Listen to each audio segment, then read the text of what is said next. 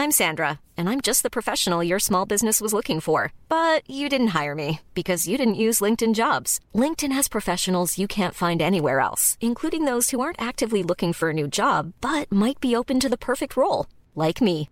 In a given month, over 70% of LinkedIn users don't visit other leading job sites. So if you're not looking on LinkedIn, you'll miss out on great candidates like Sandra. Start hiring professionals like a professional. Post your free job on linkedin.com slash spoken today. Halo teman-teman pendengar ganteng-ganteng Manchester United Podcast. Baik lagi bersama kita bertiga. Dan pada kesempatan kali ini kita akan bahas sebuah kabar gembira untuk kita. Enggak, ini bahas terkait dengan apa yang terjadi di match minggu ini ya Terkait dengan pertandingan lawan Watford. Dan Hmm. ada sebuah kabar yang sebenarnya agak cukup mencenangkan Itu terkait dengan dipecat nih oleh gitu kan. Dan kita akan bahas terkait dengan apa implikasinya oleh dipecat dengan match-match yang kita hadapi pada minggu-minggu ke depannya. Nah mungkin sedikit terkait dengan match sebelumnya gue nanya tentang eh, gimana sebenarnya perasaan lu, apakah lu udah merasakan bahwasanya adanya bau-bau oleh dipecat ini sebelum pertandingan Watford atau gimana akhirnya lu bisa rasakan dari after di Watford, Vin? Gue sebenarnya berkebalikan sih dengan prediksi lo itu. Jadi gue malah sebenarnya agak optimis bahwa Ole kan sebenarnya udah ada tuh di berita bahwa MU akan menunjukkan sesuatu yang berbeda. Kita work on something di international break dan ya udah fans bakal melihat aja. Cuma ternyata yang kita lihat ya gue nyetel TV menit ke 10 ternyata udah kena penalti tuh gitu. Jadi jadi sebenarnya itu udah prank sih dari menit ke 10. Bahkan pas gue lihat itu udah penalti yang retaken bukan penalti yang pertama lagi. Dari situ udah kelihatan lah kalau penalti kan berarti ada error dari pertahanan MU itu sih dan kemudian dari setelah penalti itu meskipun ditepis gue nggak melihat adanya perkembangan ataupun perbedaan dari match-match sebelumnya sampai gue nge-tweet di akun GGMU bahwa gue nggak melihat nih ada perubahan atau sesuatu yang dikerjakan di international break kemarin gitu. Sampai pada akhirnya bobolan lah tuh sama si Joshua King ex pemain pula dan sama-sama Norway sama kayak Ole. Akhirnya skor 2-1 4-1 ya itu benar-benar makin menjerumuskan kejadian bahwa ya Ole dipecat gitu sih. Gue kalau bilang apa namanya kalau misalnya si Alvin bilang tidak ada perubahan gue nggak setuju sih men. Karena kemarin MU itu perubahannya tuh sangat-sangat kelihatan sih ya. Itu lebih sampah daripada minggu sebelumnya sih jadi yang lebih sampah dari MU minggu ini tuh MU minggu depan bro Tapi sebelum ke sana gue mau kita ngasih rating kali ya. Gue lihat beberapa media pemain MU yang dapat rating di atas 6 cuma satu doang De Gea gitu kan di angka 7. Lainnya dia di bawah 5 lah gitu kan. Dan menyikapi adanya beberapa hal yang kemudian lu bisa lihat dari mulai yang kemudian uh, dua kali save and then Maguire yang kemudian lagi-lagi menunjukkan betapa dia belum siap dengan apa yang kemudian perlu di dibeban oleh seorang kapten dan juga seorang defender MU.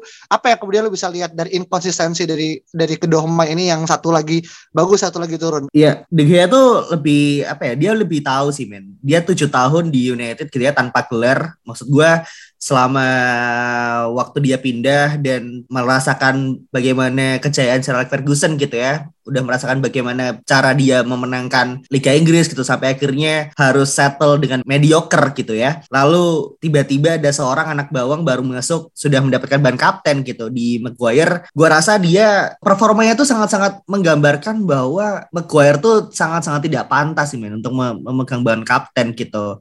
Dan bahkan banyak pemain yang menurut gua secara performa itu jauh lebih pantas gitu. De Gea membuktikan berkali-kali bahwa dia menyelamatkan Manchester United gitu. Kekalahan 4-1 kemarin itu sangat-sangat tidak adil men menurut gua gitu. Dan Fernandes bahkan ketika selesai full time dia menyerukan kepada away fans bahwa lo tuh nggak seharusnya ngebu si Ole Gunnar Solskjaer gitu karena ini kita semua nih gitu. Bahkan Hmm. Maguire ketika dia di kartu merah ban kaptennya tuh dilempar bro. Kapten macam apa itu? Maksud gua gimana ya? Gua udah nggak habis pikir. Setelah itu setelah match dia update story lagi party bro.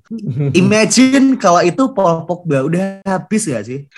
Jadi kalau bisa mungkin nanti ya ketika pengganti oleh Gunnar Solskjaer udah datang entah itu Michael Carrick, entah itu Darren Fletcher, entah itu Zinedine Zidane atau Luis Enrique atau Ten Hag, gue tidak ingin melihat Maguire sebagai kapten lagi sih men. Gimana Vin? Lu setuju nggak kalau apakah seserius itukah permasalahan dan kapten dan juga performance akhirnya disangkut pautkan pada match berikutnya Vin? Iya iya iya menurut gue juga sepertinya gue nggak tahu ya Maguire dan Shaw ini kalau kata Neville mungkin dia mengalami post Euro syndrome gitu. Dan sepertinya agak kelamaan ya ini. Masalahnya Maguire ini seorang kapten gitu dan musim ini cukup tidak terlihat perannya sebagai kapten. Dan malah Bruno dan Ronaldo lebih bisa mungkin ya encourage teammate-nya untuk lebih semangat lagi. Dan ya gue setuju sih ketika ingat bahwa De Gea, Bruno dan mungkin Ronaldo itu punya experience yang lebih lebih banyak gitu di MU dan gue sangat yakin gitu sama gue yakin pelatih baru nanti akan memberikan ban kapten itu kepada orang yang lebih pantas. Entah itu De Gea, Bruno atau Ronaldo. Dan feeling gue lebih ke Ronaldo sih. Oke, okay, I see.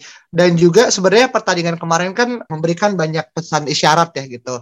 Dan hmm. bahkan gue sempat mikir apakah memang board MU itu sengaja gitu kan menutup sebuah karir Solskjaer dengan eh, seolah-olah ya gitu kan memakan udah sendiri gitu. Dia akhirnya ditutup dengan permainan terakhir yang di gol dicetak gol oleh pemain yang jarang dimainkan gitu kan. Itu dari Van de Beek gitu. Makanya pas kemarin gue lihat Sancho umpannya keren banget. Gitu. Ya, itu benar-benar itu manis banget gitu kan. Gue ngerasa tuh Ronaldo harusnya bisa nyetak gol gitu kan dengan umpan segitu ya. Tapi hmm. akhirnya malah jadi asis yang kemudian nyetak gol adalah Donny van de Beek gitu. Dan to be honest, gue ngasih MOTM buat Donny van de Beek kemarin nih. Meskipun dia baru masuk di menit babak kedua. Betul. Tapi bagaimana kemudian dia bisa memberikan impact atau beberapa terupas-terupas yang menurut gue itu jarang banget gue lihat dari dari seorang yang kita udah tunggu-tunggu dari pemain tengah itu menurut gue sebuah oasis gitu kan. Dan ya, sialnya ya, ya. Oleh udah nggak bisa lagi nih hal-hal yang terjadi gini gitu. Nah, lu gimana akhirnya menilai koinsidensi ini, Vin? Mungkin ya menurut gue Doni sangat bekerja keras ya kemarin di international break kemarin bahwa dia sangat ingin menunjukkan bahwa dia pantas gitu dan oleh salah. Dan pada akhirnya ketika chance itu datang di babak kedua sebenarnya kita mungkin banyak yang kecewa ya pas kita lihat line up untuk babak pertama bahwa kita tidak melihat nama Dodi van de Beek di sana. Dan ketika MU tertinggal kita tahu nih. Dan gue juga sempat nge-tweet di akun GMU bahwa gue yakin van de Beek bakal main babak kedua. Dan langsung main dan impactnya itu gila banget. Gue setuju sama lo bahwa dia main of the match. Dan yang kerennya lagi apa ya? Gue kayak bisa melihat bahwa Don ini bisa jadi hybrid center midfield. Jadi kalau lagi bertahan, dia tuh bisa jadi tambahan double pivot bareng Matic atau Fred atau McTominay, siapa pun itu. Tapi kalau lagi attack, dia tuh bisa jadi tambahan AM di kanan. Yang mana AM di kanan ini dia bakal combine link up play dengan Sancho gitu. Dan dia membantu Bruno Fernandes untuk dia kan kalau Bruno lebih ke depan kiri, kalau Doni di depan kanan. Itu kalau lagi attacking. Jadi sebenarnya role Doni ini bakal spesial banget seandainya memang pelatihnya bisa nah. manfaatin itu. Iya, benar. Iya, gue setuju sih. Uh, dengan masuknya Donny van de Beek kemarin, gue merasa permainan Sancho juga lebih fluid gitu, lebih lebih direct dan juga Donny itu easily dia bisa cetak dua assist main kemarin gitu dan satu goal gitu loh. Iya, iya. Kalau misalkan si Ronaldo dan pemain lainnya tidak buang-buang peluang, itu dia bisa banget. Bahkan waktu umpan Martial tuh dia hampir dia hampir cetak gol cuman kayak ragu-ragu gitu sih. Mm -hmm. ya sih yang dia akhirnya mau nge-shoot tapi akhirnya dia passing ke Ronaldo kan gitu. Iya, yeah, iya. Yeah. Innings dia tuh bisa sebagai apa ya? Dia selalu bisa mencari ruang di final third dan dia selalu bisa punya kreativitas untuk direct-direct passing gitu yang mungkin Bruno Fernandes tuh nggak bisa lihat gitu kan. Dan seperti yang lo bilang tadi Vin, maksudnya apa ya pemain ini tuh memang memang punya kelasnya sendiri gitu loh dan sayangnya lagi-lagi ya it's just, itu poetik aja gitu melihat dari Van de Beek memberikan goal terakhirnya di masa-masa terakhir oleh Gunnar Solskjaer tuh kayak it's a punch in the face gitu sih sebenarnya gitu. Tragical. Cukup ironis sebenarnya melihat pemain yang dikesampingkan justru malah memberikan performa yang luar biasa di match terakhirnya gitu sih. Betul, betul. Dan satu hal yang gue notice adalah passing-passingnya. Jadi ada gue dua kali lihat dia tuh dari tengah, dia kayak kalau di FIFA ya, dia tuh L1 tiga ke Sancho di kanan. Itu yeah. adalah bentuk-bentuk passing yang sebenarnya gue jarang banget melihat itu dilakuin sama dia. Tapi sama di pertandingan kemarin itu dia bisa dua kali. Berarti kan mungkin antara dia emang sebenarnya bisa tapi belum kelihatan atau iya dia emang bekerja keras di aspek itu gitu dan kemarin sangat pantas sih. Gua gua rasa dia untuk match-match selanjutnya dia sangat pantas untuk bermain lagi sebagai starter. Iya, iya. Dan kita semua setuju gitu kan uh, bahwasanya kemarin tuh mungkin yang dirasakan Van de Beek adalah mixed feeling. Dia pengen bersyukur karena dia akhirnya cetak gol gitu kan main dan mungkin akan dipercaya lagi karena gue lihat gitu kan. Oleh kan ketika ada pemain yang bagus jangan terus dimainin, saya turun akhirnya diganti lagi dan akhirnya saya lagi seperti itu gitu kan. Sayangnya akhirnya dia udah nggak bisa kemudian membuktikan itu di depan oleh lagi gitu.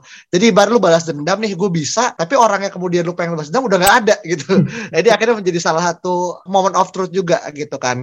Nah bahas masalah kepindahan oleh gitu kan dari kursi coach di di United gitu kan. Ini ada sebuah uh, stats ya bahwasanya oleh udah menyelesaikan 168 games, 92 wins, 35 draws, 41 defeats, 0 trophies gitu kan. Nah, gue pengen lihat gimana Saung kemudian mengimplementasikan data ini menjadi sebuah apa yang lu bisa lihat dari data ini gitu? Memang sebenarnya tugas oleh Gunnar Solskjaer pada awalnya itu adalah menyeimbangkan kapal men gitu loh. Menyeimbangkan kapal memberikan sebuah sentuhan-sentuhan magis dalam artian memberikan sedikit nyawa dan jiwa gitu loh kepada tim Manchester United yang pada saat itu pada saat uh, Jose Mourinho di musim-musim terakhirnya itu seakan-akan kebahagiaan itu menghilang dan dengan datangnya Ole Gunnar Solskjaer sedikit-sedikit kapal sudah mulai seimbang, squad sudah mulai dibenarkan gitu ya. Gue selalu berterima kasih pada Solskjaer bahwa dia bisa membuang Deadwood Deadwood ini keluar dari klub gitu. Dia bisa nge-overhaul klubnya jadi sebuah tim yang yang bisa sebenarnya untuk compete di title-titles yang sudah selayaknya kita bisa untuk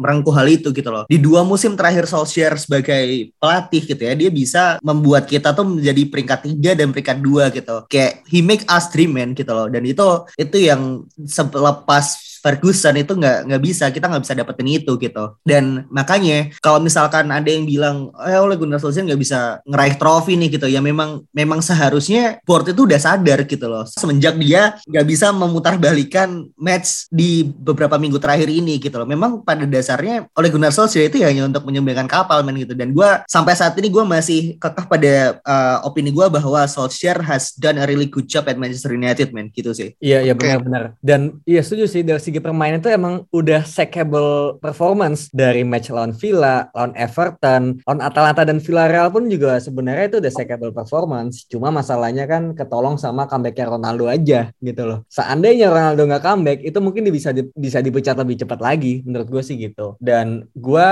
setuju juga sama statementnya Saung bahwa ya he's done good job gitu. Terlepas hmm. dari orang yang bilang bahwa ya oleh menampilkan permainan yang kurang menarik lah atau disaster adalah sebuah akun yang ya kita udah tidak perlu sebut lagi ya namanya yang dia respect oleh sebagai player tapi bukan as manager. Meskipun gue begitu tapi gue merasa bahwa secara objektif kita harus tetap appreciate bahwa yang oleh lakukan ini emang sudah maksimal gitu. Dan dia balik lagi dia tidak bisa memecat dirinya sendiri. Oleh emang cuma sampai sini. Semua ini down to board. Dan apa yang dia lakukan dan seperti yang udah pernah kita bilang juga bahwa nantinya penerusnya oleh ini akan sangat bersyukur dan senang karena apa yang dilakukan oleh ini at least tidak seberat pekerjaan oleh di awal musim dulu. Hmm, iya. Makanya gue tuh uh, punya julukan buat oleh ya. Mungkin ini unpopular juga. Gue nyebutnya adalah Mr. Stabilizer gitu. Jadi dia tuh tugasnya emang menyeimbangkan kapal gitu. Dan di, tapi lu nggak bisa berharap dia tuh bisa memutarbalikan kapal ke arah yang kemudian sedang kita ingin tuju gitu. Karena bukan itu apa namanya uh, skill setnya dia gitu kan. Nah kita mungkin uh, enough ya untuk kemudian bahas Solskjaer secara spesifik. Teman-teman juga bisa bahas itu di Twitter. Nah sekarang kita kan akhirnya menunggu nih sebenarnya siapa yang akan menjadi interim untuk fase MU berikutnya at least sampai dengan musim dingin ya bursa transfer gitu kan. Karena kita sebuah lagi udah masuk bursa transfer musim dingin dan banyak nama yang kemudian uh, dealing gitu kan. Mulai dari Pochettino akhirnya mulai lagi gitu kan. Zidane Zidane, Ralf Rangnick, Erik Ten Hag dan bahkan Laurent Blanc akhirnya hmm. masuk juga ke dalam berbagai macam list. Tapi yang cukup menguat ini sama seperti ketika kita mendapat uh, Luis van Gaal yang kemudian digantikan oleh uh, Ryan Giggs gitu kan. Ya mana hmm. di sini mungkin akan di coach oleh Michael Carrick dan juga Darren Fletcher mungkin ya gitu kemungkinan yang akhirnya yeah. jadi terjadi gitu kan dan apakah ini sebuah pilihan terbaik apakah memang masih ada waktu untuk kita kemudian convincing top good coach untuk kemudian menukangi MU sebelum kita kemudian akan mungkin Chelsea sih kalau Villarreal gue nggak yakin ya kita bisa hmm.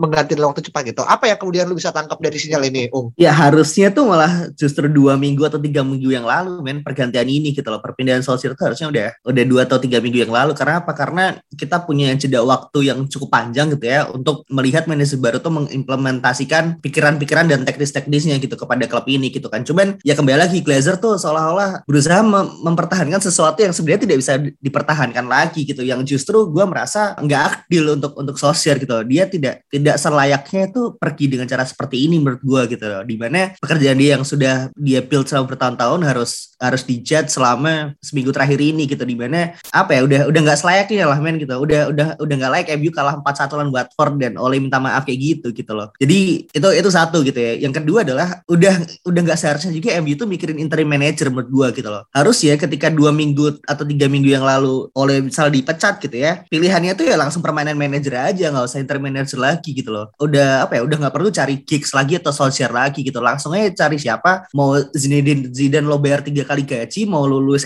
mau Luis Ten Hag gitu ya. Harusnya bisa gitu loh. Imagine kalau misalkan Darren Fletcher atau Michael Carrick menang 10 games beruntun gitu. Itu lebih Solskjaer all over again, man, gitu loh. ya, ya benar benar benar.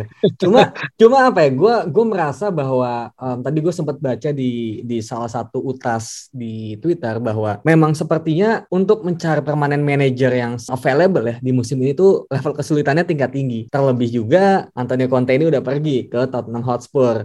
Jadi emang opsi itu cuma Zidane dan kalau lu mau um, misalnya ngebajak ya pelatih-pelatih bagus lainnya kayak Erik Ten Hag atau misalnya uh, Lopetegui atau Enrique dan juga Pochettino ya atau Rogers itu kayak apa ya mereka tuh lagi settle di timnya masing-masing dan kayak rasanya sangat sulit untuk untuk mendapatkan mereka. Jadi sebenarnya bukan tidak melakukan pendekatan kepada pelatih-pelatih itu tapi lebih ke emang nggak ada orangnya gitu loh yang yang bisa dideketin. Dan kayaknya emang orang ini nggak mau juga untuk pergi. Dan ya yang terdekat kan sebenarnya Zidane cuma masalahnya istrinya nggak mau tinggal di situ.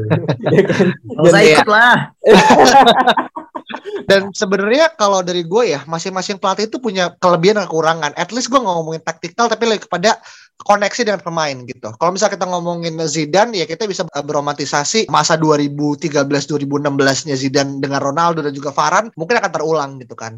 Atau ketika kita ke Erik Ten Hag kita bisa ngeliat Van de Beek yang kemudian akan bisa mendapatkan peran yang jauh lebih besar dan juga ada rumor yang mengatakan bahwa saya MU akan mengincar Frankie De Jong dan menurut gue itu sebuah hal yang what a dream apa ya signing gitu kan buat MU gitu kan dan gue itu kan dan dan I think semua pelatih punya lah nah sekarang waktunya kan akhirnya kita menunggu nih gitu kan. Karena baru tadi aja gitu kan Hozer dipecat Sabtu minggu pagi waktu di Inggris gitu kan. Uh, dan akhirnya cukup heboh. Dan masalahnya adalah di hari besok Rabu pagi gitu kan di di Indonesia kita akan ketemu Villarreal lagi nih gitu kan. Uh, dan ini akan menjadi salah satu pertandingan penentuan. Kalau kita kecele atau kita kalah kemungkinan untuk kemudian kita bisa lolos mungkin akan kecil. Karena pertama gue bisa yakin uh, Atalanta akan menang mudah gitu kan lawan uh, Young Boys dan Villarreal akan menang lawan kita dan itu poinnya akan sangat-sangat tipis gitu kan. Sedangkan di akhir kita akan ketemu sama Young Boys kalau nggak salah ya di akhir gitu kan. Ya, tapi uh, chance akan kemudian akan sangat-sangat berantakan lah gue nah gimana akhirnya lo lihat dengan keadaan sekarang compang-camping dan segala macam melawan besok match lawan Villarreal Ung. Nah biasanya ketika sudah ada pergantian yang cukup masif gitu ya di di first team permainannya itu pasti 180 derajat tuh berbeda sih men gitu loh. Yang keluar oleh doang, Carrick masih, McKenna masih, nggak ada yang berubah. Yang latih kan Ronaldo nanti pak. Waduh. mereka kan masih di sana karena emang gak ada gantinya gitu loh. Biasanya kan memang pelatih datang gitu kan mereka bawa backroom staff sendiri kan gitu loh. Kalau misalkan mereka semua cabut yang mau ngelatih siapa gitu kan nggak mungkin class of nanti itu berbondong-bondong datang untuk ngelatih kan nggak mungkin kan. Plus Jadi Roy Keane tuh. Iya gitu. Kalau misalkan pengen interim manager ya gue apa gue bilang tadi Roy Keane aja datang gitu kan suruh nampar-namparin lumayan gitu kan. Jadi kayak biasanya sih permainannya pasti akan beda gitu ya dan melihat hmm. bagaimana Ronaldo itu rada obses gitu ya dengan Champions League. Harapan terbesar gue ya pasti menang sih main gitu loh. Apalagi Ronaldo udah apa ya udah gue rasa permainannya udah sudah cukup lepas sih nantinya gitu ya. Karena tidak tidak ada bayang-bayang sosial lagi gitu. Dan gue harap Doni dan Sancho akan main lagi gitu dan Maguire kan nggak tahu mungkin bersih-bersih bar di Manchester atau gimana gitu. Iya iya iya iya. Dan baik lagi ya uh, minggu depan tuh benar-benar moral heaven lah buat buat kita ya gitu. Kalau kita menang lawan Villarreal dan juga akhir pekan menang lawan Chelsea, kita mungkin ada harapan untuk kemudian bisa balik ke Gonter. Tapi kalau dua kalah atau dua seri, itu udah sangat sulit untuk kemudian kita bisa balik ke uh, tangga juara gitu. Karena benar, kita mungkin agak geser uh, terkait dengan bagaimana akhirnya uh, dalam waktu dua hari ini, Vin gitu kan. Hmm. Kira-kira what is the extreme gitu kan? Apa yang paling ekstrim perubahan yang akan terjadi yang mungkin semua orang nggak pernah bayangin, tapi lu ngerasa ini ada kesempatan untuk kemudian doing something yang akan jauh lebih fundamental gitu, Vin? Nggak tahu lagi gue. Bener-bener gue gue dengan um, hadirnya interim Carrick ya Carrick sebagai interim tadi udah di udah diumumin bahwa Carrick yang akan akan menjadi interim selagi MU mencari interim lagi untuk akhir musim gitu.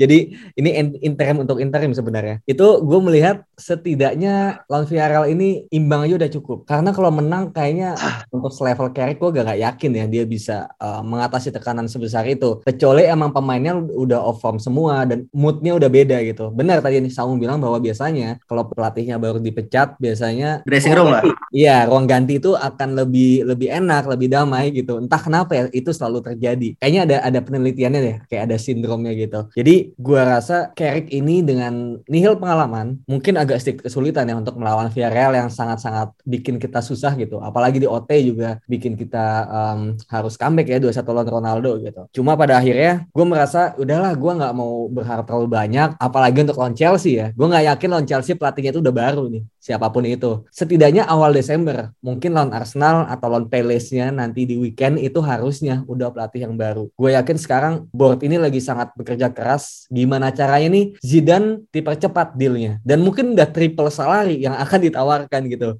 Karena udah nggak ada lagi nih pelatih yang bisa dibajak. Itu sangat-sangat susah menurut gue untuk ditebak sih. Dan um, mungkin kalau sedikit prediksi apa perubahan yang terjadi, ya akan bermain dengan satu DM, yaitu namanya Matic untuk pelan Villarreal. Ataupun ya mungkin Scott McTominay dengan skema kayak lawan Watford yang Doni ini menjadi hybrid CM bisa menjadi tambahan double pivot atau bisa menjadi tambahan playmaker seperti yang gue jelaskan tadi itu sih menurut gue. Iya yeah. sih. Gimana Ung? Iya, yeah, lo tau gak sih men dengan kekacauan di dua hari ini gitu ya kekalahan United 4-1 lawan Watford tuh yang paling bikin gue sedih adalah gue nggak bisa ngecengin Arsenal bro.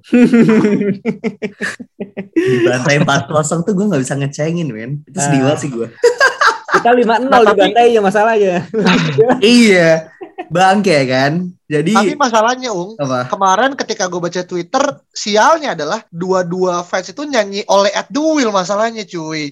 Yoi bro. Jadi gimana ya, gue sedih, sedih banget sih. Kayak ketika manajer lo diolok-olok seperti itu ya, bahkan mainnya aja nggak di stadion lo gitu. Itu kan bangke banget. Iya, iya, iya, oke, ya, Kembali lagi gitu, it just wasn't meant to be aja gitu menurut gue gitu ya, bagi sosial gitu. He's done a really good job, but at the end memang sudah sampai di sini aja gitu tugasnya gitu. Jadi hopefully hopefully sih gue gua nggak ingin melihat fans-fans yang mungkin dengar podcast ini gitu ya bilang kalau ya sosial sampah lah gitu segala macam atau kayak nggak bisa menang trofi atau apa gitu ya. Karena memang pada awalnya tugasnya memang bukan itu gitu loh kayak board itu seolah-olah memaksa dia untuk melakukan hal yang mungkin it's just too far from him gitu ya. Jadi at least respect lah respect sosial dan juga dengan apa yang telah dia berikan kepada klub sehingga bisa mempermudah untuk nantinya manajer baru datang ya. Nggak semuanya bisa seperti itu men. Bahkan Verci aja meninggal meninggalkan banyak banyak deadwood gitu loh di di squad ketika dia pensiun gitu. Uh, tapi gue mau nanya yeah. satu hal yeah. nih uh, ke Saung mungkin atau dia. Jadi tadi gue sempat baca di, di berita bahwa Ole ini sebenarnya setelah kekalahan beruntun kemarin ya lawan Liverpool dan setelahnya lagi itu kayak Ole benar-benar tidak ingin mengganti backroom staffnya gitu. Menurut lo apa sih yang terjadi gitu? Kenapa Ole segitunya sama backroom staffnya? Kalau dari gue ya pribadi, gue ngerasa tipe Ole itu yang memang dia lebih pengen bekerja sama orang yang dia kenal dengan secara personal gitu. Gue nggak bilang dia kemudian minim uh, koneksi ya gitu kan. Gue yakin Oleh pun kenal sama orang-orang di luar dari MU gitu kan. Tapi kadang ini menunjukkan bahwasanya ada sesuatu yang nggak beres dari apa yang diterapkan oleh dalam sebuah uh, backroom staff itu sendiri gitu kan. Karena gini, ketika lu kemudian hanya melimitasi apa yang akhirnya lu punya berdasarkan dari kenalan gitu kan. Kadang itu akhirnya menjadi salah satu cara bahwasanya oh, lu kemudian pengen menutupi bobrok lu gitu kan. Nah, ketika hmm. ada orang lain masuk,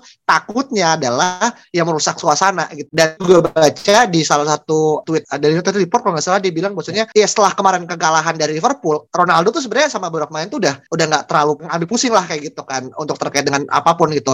Dan dia ngerasa kayak ya ini nggak akan ke mana-mana di bawah di bawah Solskjaer. Tapi karena Solskjaer masih menjadi bagian dari tim sebagai coach ya, kayak dia kemudian lebih kepada respect as a profesional gitu. Nah, Dan kalau misalkan masa tadi ke masalah backroom staff, ke backroom staff lebih kepada ya udah kayak kayak misalnya kita bertiga gitu deh. Terus kayak mbak ngeganti ganti salah satu gitu kan ya lu nggak akan kemudian ngerasa ya udahlah kita aja gitu. Karena kita ngerasa jauh lebih dekat lebih kenal personal lebih bisa kemudian diatur. Ya itu akhirnya menurut gue sesimpel itu sih bro kalau menurut gue kalau kata gue sih oleh memegang teguh prinsip Dominic Toretto ya. Jadi kayak you don't turn your back on family sih men gitu sih. Jadi memang ada ya kembali lagi ke bahasan kita sebelumnya kan United Way itu loh bro. United Way dan United DNA dan United Culture yang di mana family itu nomor satu gitu. Makanya kalau kalau misalkan gue lihat berita Vin Diesel klub favoritnya Manchester United ya gue nggak kaget juga sih. Iya iya. On real issue mungkin karena Solskjaer juga habis diperpanjang kontrak tiga tahun, McVillan juga habis diperpanjang kontrak. Jadi menurut dia mungkin belum ada urgensi yang sampai sebegitunya gitu untuk untuk merubah backroom staff staffnya gitu sih. Iya iya, uh, iya memang sangat disayangkan sih kalau misalnya ternyata ya dia udah tahu masalahnya di mana gitu. Cuma dia emang stubborn aja untuk mengganti itu dan ya. Denial aja. Iya iya iya, sayangnya ya udah dia dia kehilangan pekerjaannya gitu dan malas kan orang-orang kepercayaannya stay di sana gitu. Itu agak-agak ditusuk dari belakang sih menurut gua. Dan berita ada berita lain adalah okay. Diogo Dalo wondered why Iron One Bisaka keep starting. Itu agak lucu sih sebenarnya. Buset, kayak Roberto Carlos saya di doi. iya iya. Menurut lo gimana Ong? Ngeliat nih Diogo Dalo nih udah udah mulai bingung nih sama uh, keputusan Ole gini. Maksudnya apa kalau melihat sebenarnya Dalo tuh nggak sejelek itu main defendingnya? Iya mungkin Dalo merasa dia punya sesuatu untuk untuk something to prove gitu ya. Apalagi dia selama semusim terakhir dia memberikan performa yang cukup baik gitu ya di AC Milan dan melihat Aaron Wan Bisaka seolah-olah tidak punya kompetisi ya layak juga sih kalau misalkan dia memberikan hal tersebut gitu ya. Cuman ketika dia diberikan match, gue apa ya sebagai fans tidak melihat dia bisa bisa mematenkan posisi itu sih sebenarnya gitu ya. Tapi kalau misalkan ada satu pemain yang bertanya-tanya kenapa sih orang ini main mulu gitu ya, menurut gue sih malah justru Alex Telles sih gitu sih. Dengan CV yang dia punya di Porto agak aneh juga kok di mana sebulan dua bulan terakhir mainnya kayak kayak begitu tetap dimainin gitu ya sih. Iya, I see. Dan mungkin as penutup kali ya, karena balik lagi masalah Ole ini sangat kompleks gitu kan. Tapi gue pengen coba as a farewell uh, buat Ole di episode ini boleh nggak dari Alvin kasih satu kenangan terbaik lu sama Ole dan buat Saung satu kenangan terburuk sama Ole? Sebenarnya simpel sih. Yang bikin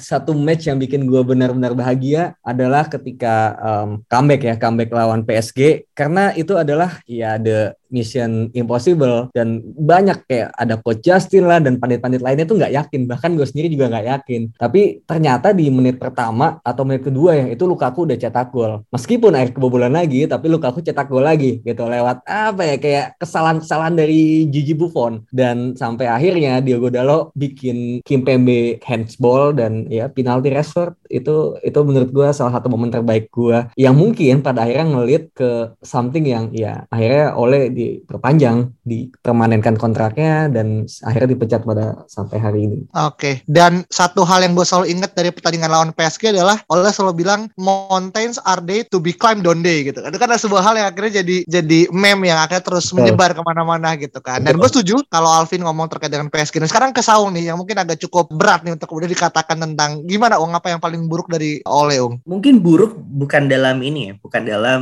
permainan atau dalam efeknya atau apa gimana. Cuman kalau misalnya ada satu momen di mana gua sangat menyayangkan kenapa oleh Gunnar Solskjaer tidak memenangkan pertandingan itu ya simply final Europa League sih men. Betul. Villarreal sih. Betul. Setuju. Kayak selama masa kepemimpinan Solskjaer gitu ya tiga tahun di United, it was the closest Solskjaer has got the chance to win a trophy gitu, a cup gitu. Di mana di situ akan menjadi pembuktian dia bahwa dia bisa memenangkan trofi bersama klub yang sangat dia cintai gitu ya. Dan kalaupun misalkan nantinya dia tidak apa ya, dia berada di posisi seperti sekarang, at least dia punya sesuatu yang yang ditunjukkan gitu. Bukan bukan disrespect yang dia dapat gitu sih yeah. menurut gua gitu. Hmm. jadi it was momen yang sangat sangat disayangkan gitu. Kenapa dia tidak tidak apa ya dia cukup stubborn gitu ya terhadap substitutionnya. Dia kurang percaya dengan apa yang dia punya gitu. Andai saja dia punya sedikit keberanian gitu ya untuk untuk melakukan perubahan permainan atau pergantian pemain gua rasa MU saat ini nggak akan puasa gelar lagi sih. Oke. Okay. dan itu it's all done to Solskjaer. Ah sih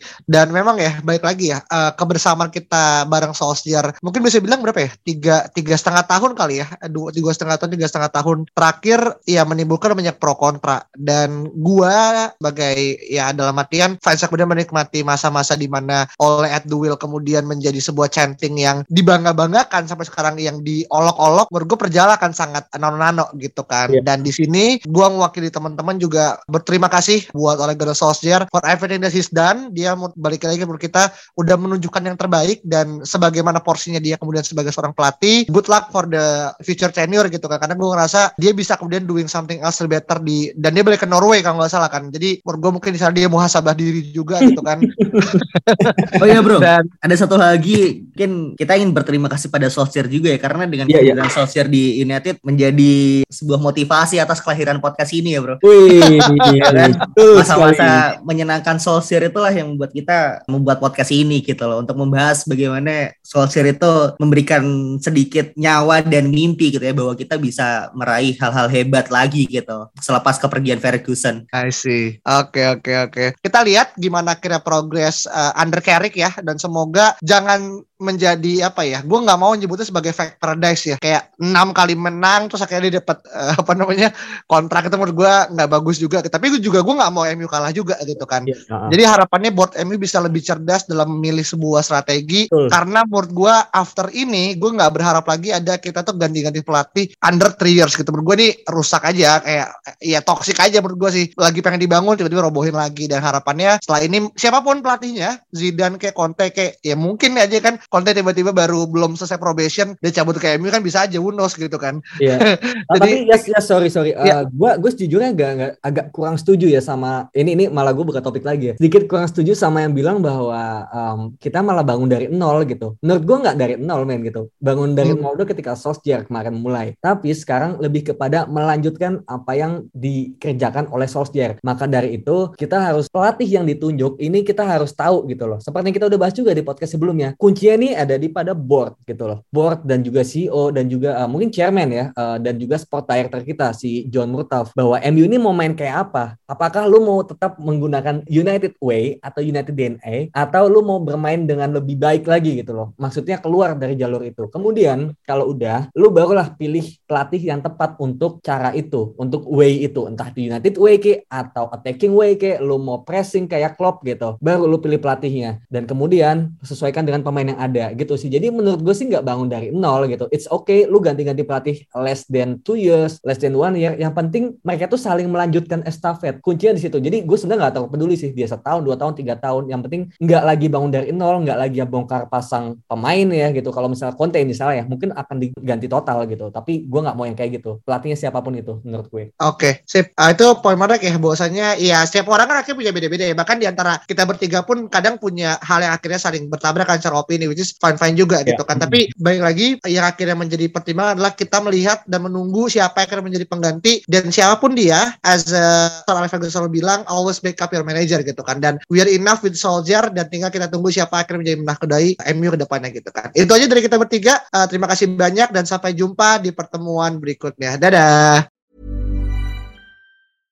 Imagine the softest sheets you've ever felt. Now imagine them getting even softer over time. That's what you'll feel with Bowl and Branch's organic cotton sheets. In a recent customer survey, 96% replied that Bowl and Branch sheets get softer with every wash. Start getting your best night's sleep in these sheets that get softer and softer for years to come. Try their sheets with a 30-night guarantee. Plus, get 15% off your first order at bowlandbranch.com. Code BUTTERY. Exclusions apply. See site for details.